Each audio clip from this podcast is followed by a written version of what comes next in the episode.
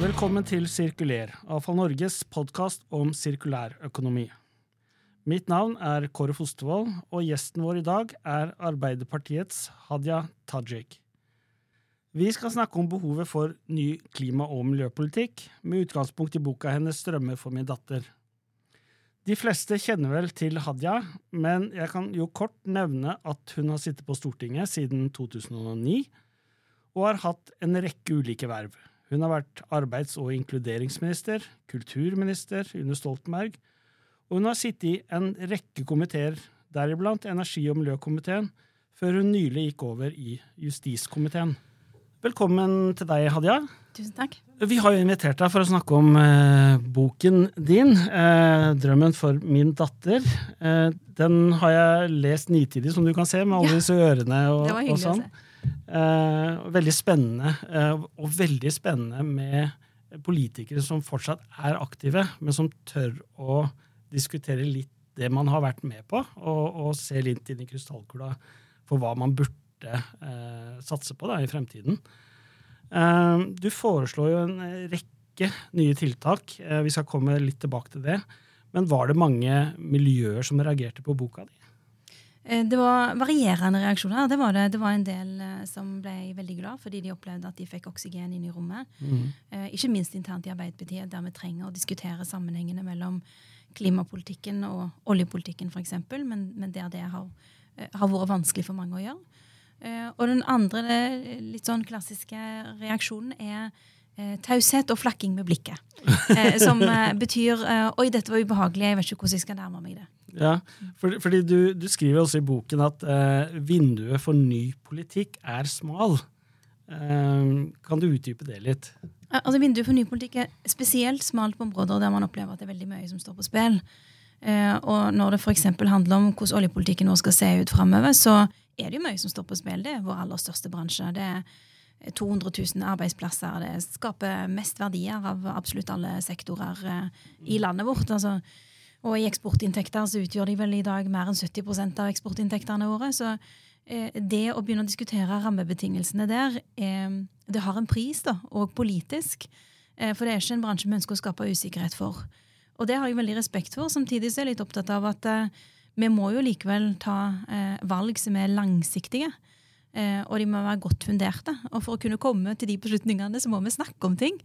Um, ja, og, og da må vi på en måte få inn det oksygenet inn i rommet og, og skape rom for politikkutvikling òg på dette feltet. her. For, for du, du sier jo at det er noen kanskje vedtatte sannheter der ute. Du, du, det går igjen i boken din, dette med at uh, disse fortellingene vi holder oss med.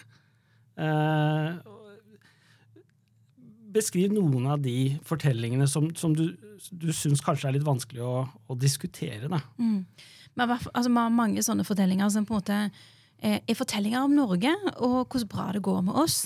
Eh, og det er fortellinger som er med på å bedøve oss litt eh, i den tida vi nå befinner oss i, der det faktisk er ganske mye som står på spill, og det er enormt viktig at vi klarer å ta de rette beslutningene. Et eksempel på det er at eh, eh, altså, vi er jo veldig stolte over alt det som olje har klart å skape, ikke minst fra den delen av landet som jeg kommer ifra. Vi vet at det har vært med på å finansiere eh, en, altså enorme deler av velferden vår. Vi hadde ikke vært det landet vi er i dag hvis det ikke var for verdiskapinga derifra. Eh, men i den eh, takknemligheten der eh, så blir det veldig lite rom for å diskutere den andre siden ved dette. Nemlig at eh, den størrelsen som oljebransjen i dag har i norsk økonomi og for norsk økonomi, er òg med på å gjøre oss enormt sårbare. Fordi på den ene siden så jobber vi politisk, internasjonalt, for å redusere etterspørselen etter olje og gass.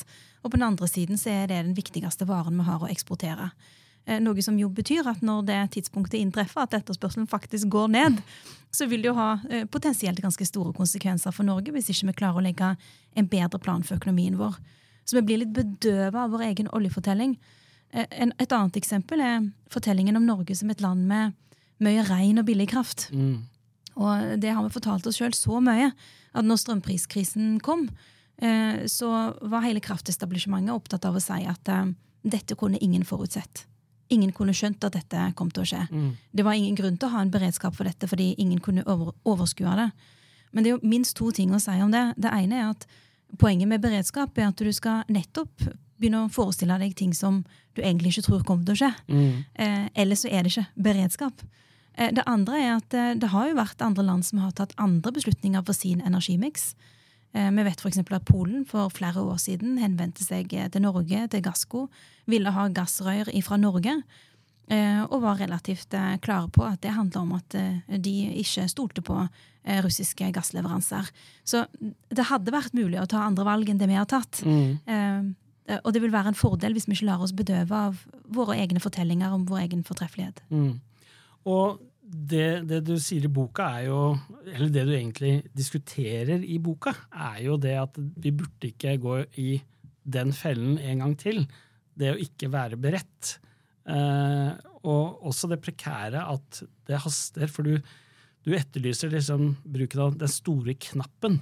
Mm. Eh, beskriv litt hva du tenker med den store knappen. Altså Det jeg er litt ute etter, er at vi tar inn over oss alvoret. Enten man er opptatt av å få ned klimautslippene i tide, sånn at eh, konsekvensene av temperaturendringene blir si, minst mulig for de neste generasjonene.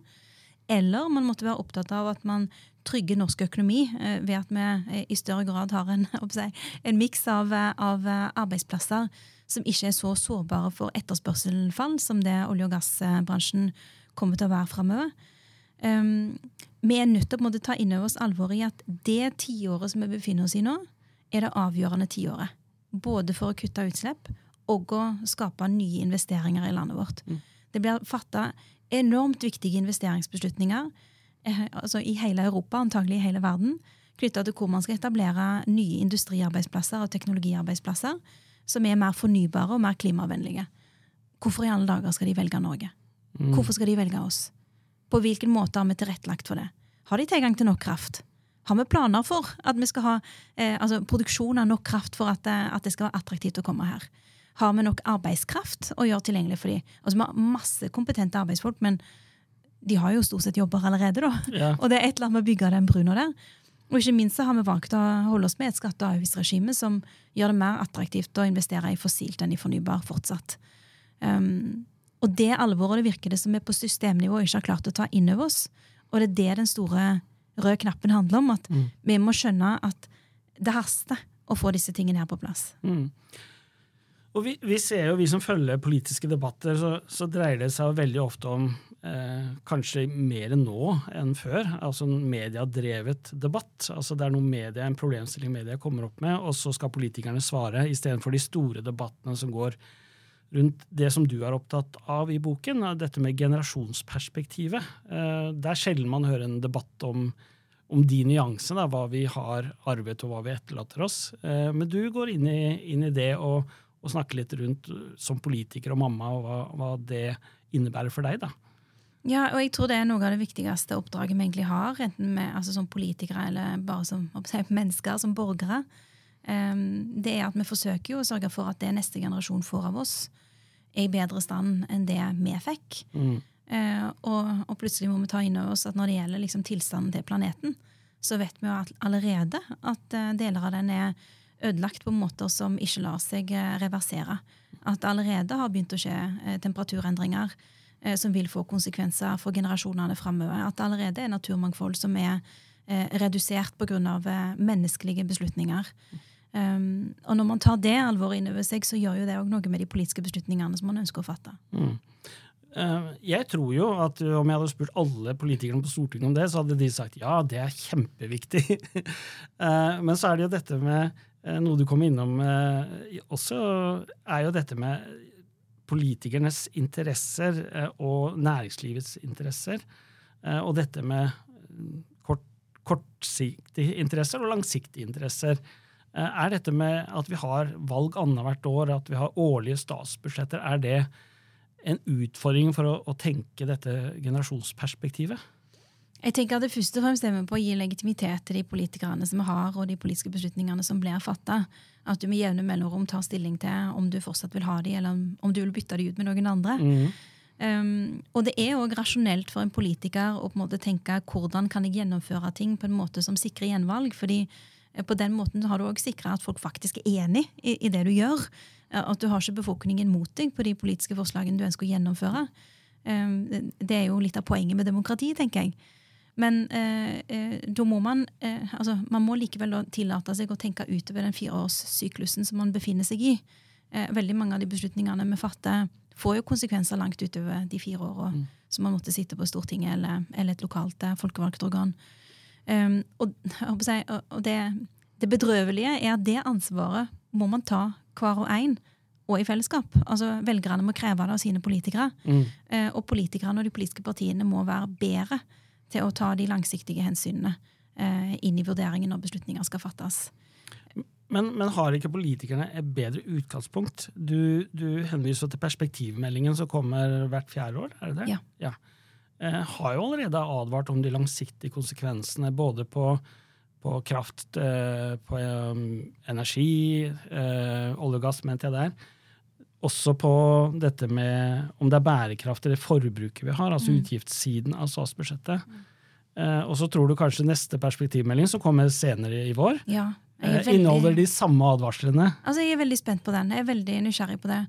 Um, ikke minst forholdet mellom eh, inntekter og utgifter i statsbudsjettene framover. For vi er jo allerede advart om at fra 2030 og i mange tiår framover så kommer vi til å mangle nesten 5 milliarder kroner i hvert eneste statsbudsjett. Som da må dekkes inn hvis vi skal opprettholde det velferdsnivået som vi i dag har. Og tatt i betraktning hvor alvorlig tilbakemelding det er, så dominerer jo ikke det dagsordenen på den måten man kanskje skulle forvente at en så alvorlig beskjed gjorde. Eh, Men igjen, det mener jeg altså, vi må politisk ta ansvar for hvilke saker vi sjøl er med på å sette på dagsorden. Det er jo, vi er ikke nødt til å la eh, henvendelser fra medier eller interesseorganisasjoner få definere det. Mm. Og mitt forsøk på det er jo å skrive denne boka, da, der jeg forsøker å dra noen litt lengre perspektiver enn en det man gjør fra dag til dag eller uke til uke. Mm. Og, og du etterlyser jo også et bredt politisk samarbeid eh, på dette temaet. Eh, og, litt tilbake til den too big to fail, som kanskje er olje- og gassnæring nå, men det kan være andre sektorer etter hvert. Eh, de, de, det trykket de har mot politikerne på hva dere må gjøre, og hva som haster å gjøre, og hva man må endre på. Eh, et bredt forlik, er det utenkelig? Det bør ikke være det. Man har jo på områder som man, man kanskje tidligere trodde at det ikke ville være mulig å få til brede forlik, så har man jo fått det til før. Eh, man fikk det til på pensjonsreformen, Mm. eh, og klarte å gjøre endringer der som skal sikre eh, altså, pensjonsinnretningens både økonomiske og sosiale bærekraft. Man har tidligere hatt eh, klimaforlik. Og etablert noen sånn fundamentale prinsipper i tidligere klimaforlik. Men det begynner å bli ganske lenge siden da Mm. man etablerte klimaforlik og var enig på tvers av partiene. Ikke bare om målene, det er på en måte det letteste å være enig om, men aller helst også bli enig om noen av de overordna virkemidlene på veien dit. Mm. Men, men forutsetningen for å kunne inngå den type klimaforlik er at man må, man må starte med å snakke sant om hvor det er vi står. Og så må vi ha en litt sånn felles virkelighetsforståelse eh, av eh, hvor langt det er vi har igjen, og at det er ganske alvorlig. For hvis man ikke klarer å ha den felles virkelighetsforståelsen, så er det heller ikke noe grunnlag å inngå et klimaforlik på. Jeg mener jo f.eks. at man, man forskjønner um, fortellingen om hvor godt vi ligger an til å nå våre egne klimamål. Mm. Eh, altså, eh, realiteten er at vi har brukt nesten 30 år på å kutte 5% av utslippene våre. Og, og nå eh, står det i regjeringsplattformen at vi skal kutte mer enn 50% i løpet av de neste seks åra. Altså, det er et regnestykke som ikke går opp. Mm. Ja. Eh, og det må vi snakke ærlig om for at vi skal eh, være i nærheten av å få til noe som virkelig monner. Mm. Eh, du foreslår også at klima og miljø flyttes. Eh, og du, du har flere forslag, egentlig. Du har kanskje et favorittforslag, men eh, at klima og miljø blir for snevert og, og ikke innbakt i annen politikk, da, så lenge det ligger i et eget eh, departement. Eh, du nevner blant annet eh, ja, vi, kan, vi kan gå rett på den store, kanskje. Finansdepartementet. At de skal ha ansvar for klima og miljø i tillegg til alle de andre postene på statsbudsjettet. Kan du gå litt nærmere inn på hvorfor? Er, eh, alle forslagene mine i denne boka tar for seg endringer på systemnivå. På styringsnivå, for det er der jeg mener svakhetene er. Mm. Eh, Når det gjelder innretningen på Klima- og miljødepartementet, så er hovedproblemet deres eh, i at de har ikke muskler. Eh, Det er et ganske lite departement med en veldig begrensa portefølje. de har ansvar for altså På klima så har de veldig lite i sin portefølje som reelt har betydning for å kutte utslipp. De har litt av det internasjonale regelverket. men det vesentligste som betyr noe for å kutte utslipp, ligger jo f.eks. i næring som jo har virkemidlene for uh, hva slags uh, næringsvirksomhet det man stimulerer til, og under hvilke rammebetingelser. Um, et annet departement som har viktige virkemidler for å kutte utslipp, er jo samferdsel, fordi nesten en tredjedel av utslippene kommer fra transportsektoren. Men man får ikke muligheten til å se klimapolitikken og samferdselspolitikken sånn tett og integrert i sammenheng, fordi det er to forskjellige statsråder med to forskjellige prosjekter, selv om de er en del av den samme regjeringa.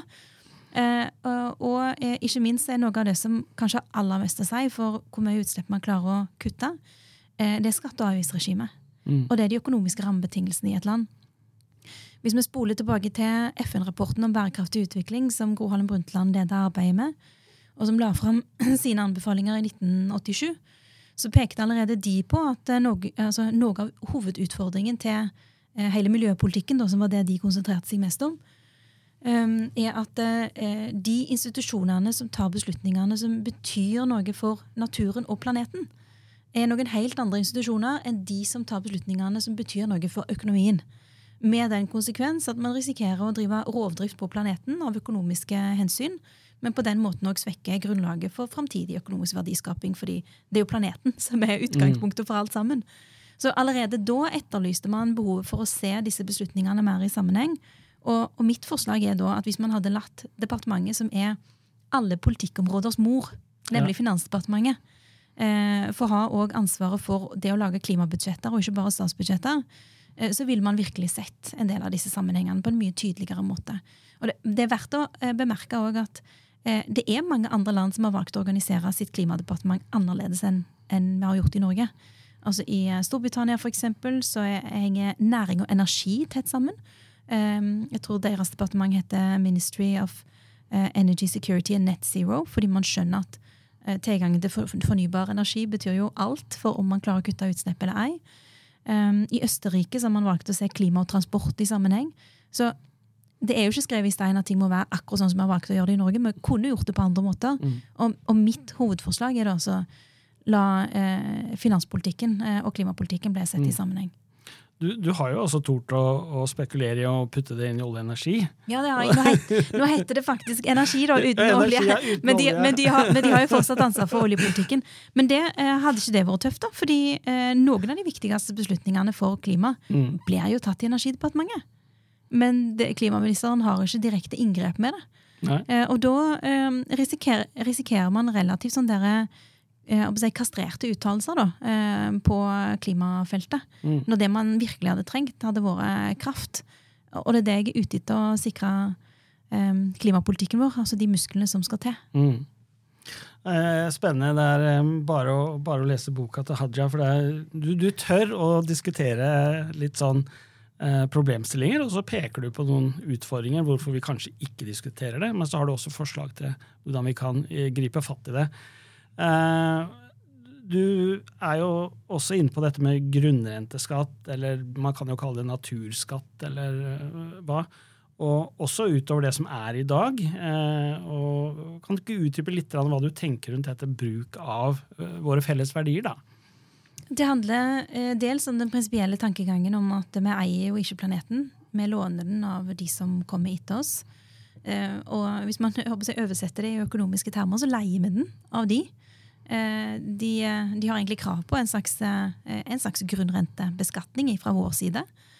Um, og den rent praktiske tanken min omkring det er jo at uh, i dag så er det jo sånn at skal du bygge ut et uh, område, et naturområde, gjøre et inngrep, så er det du på en måte kan uh, prissette, er langt på vei altså utbyggingskostnadene som sådan, og, og verdiene du vil kunne skape ut av det.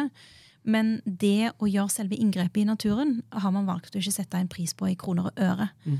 Eh, hvis vi derimot hadde lagd en naturavgift eh, eh, som, eh, som, alltid var nødt til å bli tatt inn i beregninger når man skal gjøre eh, utbygginger, så kunne det kanskje også fått betydning for hva slags utbygginger det man gjør. At man tenker ok, men kanskje vi skal ta litt færre kvadratmeter, for vi trenger tross alt ikke så store arealer. når Vi tenker oss om. Vi må jo betale denne tilleggsavgiften, og det må inn i regnestykket. Eh, men òg at den avgiften som da betales, at den helst går inn i et fond. eh, som man da bruker til å eh, eh reparere inngrep i naturen og for å bevare naturmangfoldet. Og det du hører med en gang er at Jeg argumenterer ikke for at man skal slutte å bygge ut. For der er ikke jeg. Jeg sier ikke at nå vi eh, trykker på, liksom, på stoppknappen og bare slutte med alt det som både kan gi oss vekst og verdiskaping. Jeg er for at man gjør det. Men jeg er opptatt av at man skal gjøre det på en bærekraftig måte. At man skal gjøre det på en balansert måte. Og en sånn en grunnrenteskatt på arealbruk vil kanskje kunne være med på å balansere ut noen av de hensynene som man ser at ikke blir tatt godt nok i dag. Mm. Nå har du vært innom natur, du har vært innom klima, du har vært innom kraft. Eh, og vi i gjenvinningsbransjen mener vi representerer løsninger på, på delløsning da, på alle disse, disse tre. Eh, og når du nevner i boken din at veldig mye av det regelverket som kommer, det kommer fra EU. Eh, og jeg tror både departementer og direktorater har egentlig har nok med å henge med. Du nevner denne tsunamien av regelverk som Innovasjon Norge har referert til. Eh, er vi for passive? Sitter vi og venter på EU fordi de har en green deal, fordi at de har et klimaregelverk, og så skal vi bare adoptere det, og så skal vi ikke være en forløper da, for sirkulærøkonomi, som regjeringen nevner i Jordalsplattformen? Altså, jeg tror ikke nødvendigvis det, For meg fremstår det ikke nødvendigvis som et bevisst valg om at man skal vente på EU. Uh, tvert imot så tror jeg at veldig mange, eh, og blant politikere eh, altså, De som jobber med det daglig, blir jo selvfølgelig ikke overraska over det, men, men, ganske mange andre uh, tror jeg vil bli overraska over mengden regelverk og ambisjonene i det regelverket som mm. blir lagt fram. Uh, altså langs hele fjøla på, på, klima og hensyn til natur og miljø og uh, ambisjonene for sirkulær økonomi. Eh, så aller mest tror jeg det handler om at vi politisk i Norge, altså nasjonale politikere, har ikke i tilstrekkelig grad bidratt til å modne den offentlige debatten på hva vi faktisk er nødt til å gjøre. Så jeg er litt bekymra for, å skrive litt om det i boka, at eh, avstanden mellom en del av det regelverket som vi nå skal implementere, og den bevisstheten som vi har bidratt til å skape blant folk, at den avstanden er såpass stor at man risikerer å få motreaksjoner når det begynner å sige inn hva slags endringer det er man faktisk blir nødt til å gjøre fremover. Og det er en politisk oppgave å bidra til å modne den offentlige mm. debatten på dette feltet her. Eh, og det kan være mange grunner til at man ikke har gjort det. Jeg tror at eh, en del av klimapolitikken er det mange som føler på at kanskje ikke har nok folkelig legitimitet. Eh, men, men man, altså En politikers oppgave er ikke bare å følge folkemeningen, men òg noen ganger bidra til å forme mm. den eh, ved å forsøke å gå foran. Det trenger vi mer av. Men, men, er det så mange av politikerne på Stortinget som kjenner til det regelverket som kommer? Fordi det blir jo vurdert om det er EØS-relevant, og så havner det i EØS-komiteen. Og så tror jeg vel nesten bare det blir hamra gjennom i Stortinget. Jeg, jeg ser i hvert fall ikke de debattene som går på ok, hva er hensikten, hva er konteksten, og, og hva vil det bety for det norske regelverket? Mm. Uh, de debattene savner jeg lite grann. Ja, det skjønner jeg at du sier. Um, og du har nok rett i at uh, på det tidspunktet der Stortinget formelt blir involvert, så er det jo når det legges fram og, og det skal implementeres, og stort mm. sett skrives det veldig korte merknader og en veldig veldig liten debatt, og så er det vedtatt.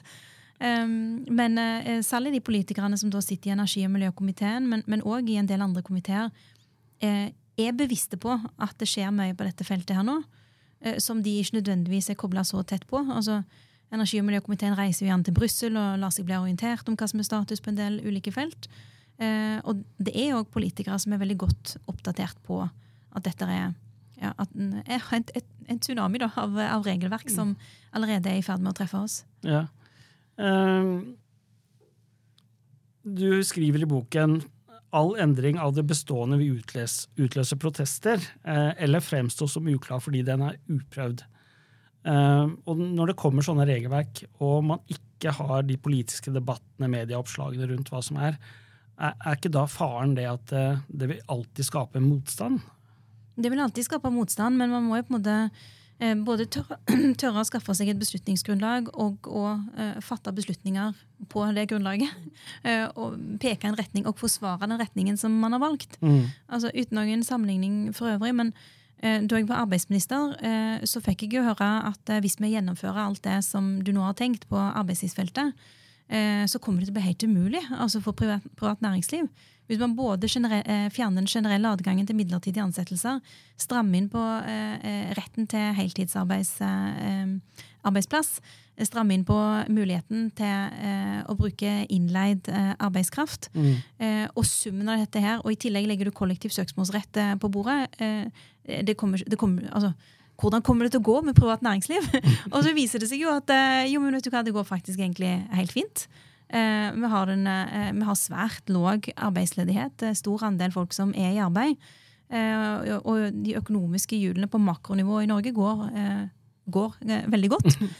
så en del av den motstanden som man får, er jo altså, er ikke nødvendigvis faglig men fordi man ikke ønsker disse endringene. Og det er en, det er en ærlig sak å ikke ønske det. Mm. Men jeg tror òg at vi må klare å liksom sortere eh, hva argumentene og motargumentene er, og, og, hvor eh, reelle de egentlig er. Mm. Ja, for Du nevnte nå, eh, du møtte du motstand i departementet, at dette kom til å bli vanskelig. Var det, var det det du sa nå? Nei, det jeg sa var at uh, dette var en motstand som jeg møtte knytta til disse forslagene her generelt. Å, ja, generelt, ja. ja ok. Ja. ja. Nei, fordi uh, det adresserer jo igjen dette uprøvde uh, som du skriver om. Uh, jeg må over på sirkulærøkonomi, i og med at dette er lytterskarene våre. er veldig opptatt av det. Eh, og det jeg lurer på, er eh, måten du har tenkt på de tiltakene som du foreslår. Eh, ser du at sirkulærøkonomi kan være en del av det? Definitivt. Um, det, det, kommer til å være en viktig del av det. Og noe av det altså, Noe av det politikere liker best å snakke om når det er snakk om eh, klimapolitikk, er jo industri og teknologi og arbeidsplassene som det kan gi. Eh, det man liker mindre å snakke om, er jo eh, endringene i forbrukeratferd, som også mm. selvfølgelig må til eh, for at vi skal ikke overforbruke planeten og ikke ha for høye utslipp. Og der vil jo sirkulærøkonomi ha en enorm betydning. Og noe av det som hvert fall jeg tenker at er det viktigste der, det er jo igjen skatte- og avgiftsregimet. Altså det påvirker eh, menneskers og bedrifters atferd veldig konkret og direkte. Mm. Eh, du nevner jo denne avgiften på frukt og grønt. Eh, du er innom det i boka di, kontra dette med kjøtt. og Det er jo en sånn vanskelig debatt som pågår, og, og jeg ser jo at du, du, du, har ikke noe mening om hvor mye kjøtt man skal spise og ikke spise, men, men det er jo virkemidler som, som, man kanskje ser at du tar til orde for, da, og, og ser på et større perspektiv. Ja, og, og noe av det jeg skriver om i boka, er jo nettopp det at av og til så ser man oss blind på noen virkemidler, og da, da, diskuterer man ikke de andre. Altså, og på kjøtt, for eksempel, så har vi en stadig tilbakevendende debatt på om man skal innføre avgift på uh, rødt kjøtt.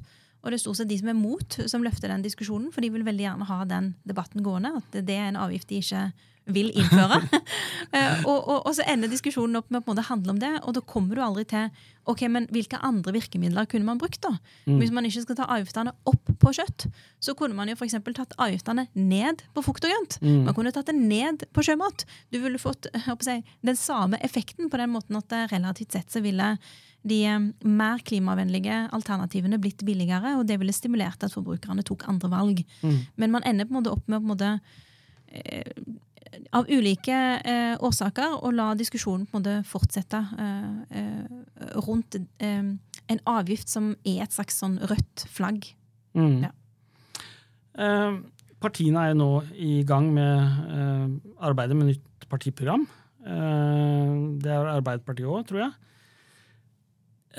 og Sett i lys av dette, det er enklere å videreføre det eksisterende. Det er kanskje mer vanskelig å innføre det som noen vil tenke er radikalt, da, eh, som du er inne på i boken. Tror du klima, energi, dette med generasjonsperspektivet vil bli mer fremtredende i disse partiprogrammene til det, partiene? Det er nødt til å bli det. Jeg bare tenker at Partiene har ikke noe annet valg.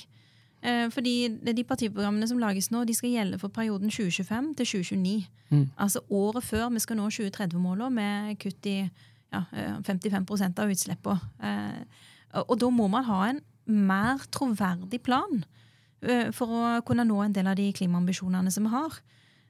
Avstanden i tid til en del av de klimamålene vi har hatt, det har nok kanskje også gjort at mange har tenkt at jo, men det ordner seg. Eh, på et eller annet vis. Eh, kanskje har vi flaks, kanskje kommer det nye teknologiske oppfinnelser som vi ikke helt vet hva er, men som vil løse hele problemet. Eh, og nå kommer vi stadig nærmere tid uten at den flaksen har inntruffet, og da, da trenger vi bedre planer. da. og bedre Mm. politikk. Jeg har lyst til å spørre deg, Hadia, eh, tre spørsmål som du stiller i boken din til leserne. Eh, og det er eh, hvilke historier vil du fortelle? Hvilken arv vil du etterlate deg, og hva drømmer du om? Eh, klarer du å svare på de på strak arm? Altså På individnivå så drømmer jeg for min datter at, eh, at hun skal kunne være sterk og fri. Og ta de valgene hun ønsker for livet sitt, og forme livet sitt sånn som hun vil. Eh, Men på overordna nivå så drømmer jeg jo om at hun skal kunne ha en framtid, og hele hennes generasjon skal kunne ha en framtid som gir dem håp og framtidstro. Eh, Men det bekymrer meg akkurat nå at eh, med den informasjonen som vi har på bordet, så risikerer vi å overlate en framtid til neste generasjon som kommer til å være mer krevende Mm. enn den vi sto i sjøl. Vi har fått lov til å leve i en tid med melk og honning og masse muligheter, særlig her i Norge. Eh, Og nå går vi inn i en tid der eh, vi er nødt til å se på hvordan vi klarer å endre eh, atferden vår, forbrukeratferden vår, endre investeringene, kutte utslippene, eh, og sørge for at eh, planeten vår er ja, akkurat like fantastisk òg for de neste generasjonene. Og det er ingen liten oppgave. Um, men vi har jo klart å få til store ting før, Mm. så jeg håper jo at vi klarer å finne sammen og, og gjøre det òg her. Ja, for, for hva ville du eh, fortalt til Sofia hvis hun spurte liksom hvordan ser fremtiden min ut? Ja, hun er tre år, så da må på en måte den historien må, må tilpasses litt. Um, hun sa til meg her om dagen at eh, mamma eh, Og hun snakket om bokmål, for det, ja, eh, hun bor jo her i, i Oslo, men hun skarrer på r-en. Og hun sier eh, mamma, hvis du samarbeider med meg, da kan vi være bestevenner. og så tenker jeg ok, men det, eh, da har jeg ikke noe annet valg enn å forsøke å samarbeide med deg. Eh, men jeg tror jeg hadde vært nødt til å på en måte eh, når, når tiden er inne for det, og det går an å snakke om de tingene, eh, være ærlig om at eh, eh, den framtida som ligger foran oss, kommer til å kreve enorm fellesinnsats. Og at jeg håper at hun òg vil være med på å bidra til det. Fordi de tendensene som man kan se, er jo at eh, i en tid med eh, mørke skyer og mye bekymringer, enten de er økonomiske eller knytta til klima, så kan det være lett å henfalle til de individuelle løsningene. At ok, men da sikrer jeg i hvert fall meg sjøl og min egen familie. Um, men det kommer jo ikke til å være nok ikke sant? til å kunne løse et så eksistensielt og gjennomgripende problem som klimautfordringene gir oss. Vi er nødt til å finne de store fellesskapsløsningene. Vi er nødt til å finne de store systemendringene. Ellers kommer vi aldri til å lykkes. Det blir siste rådet fra deg, Hadia. Tusen hjertelig takk for at du kom til vår eh, podkast. Sjøl takk for at jeg fikk lov. Takk til alle som har hørt på, og takk til produsent Håkon Bratland. Ha det bra, alle sammen.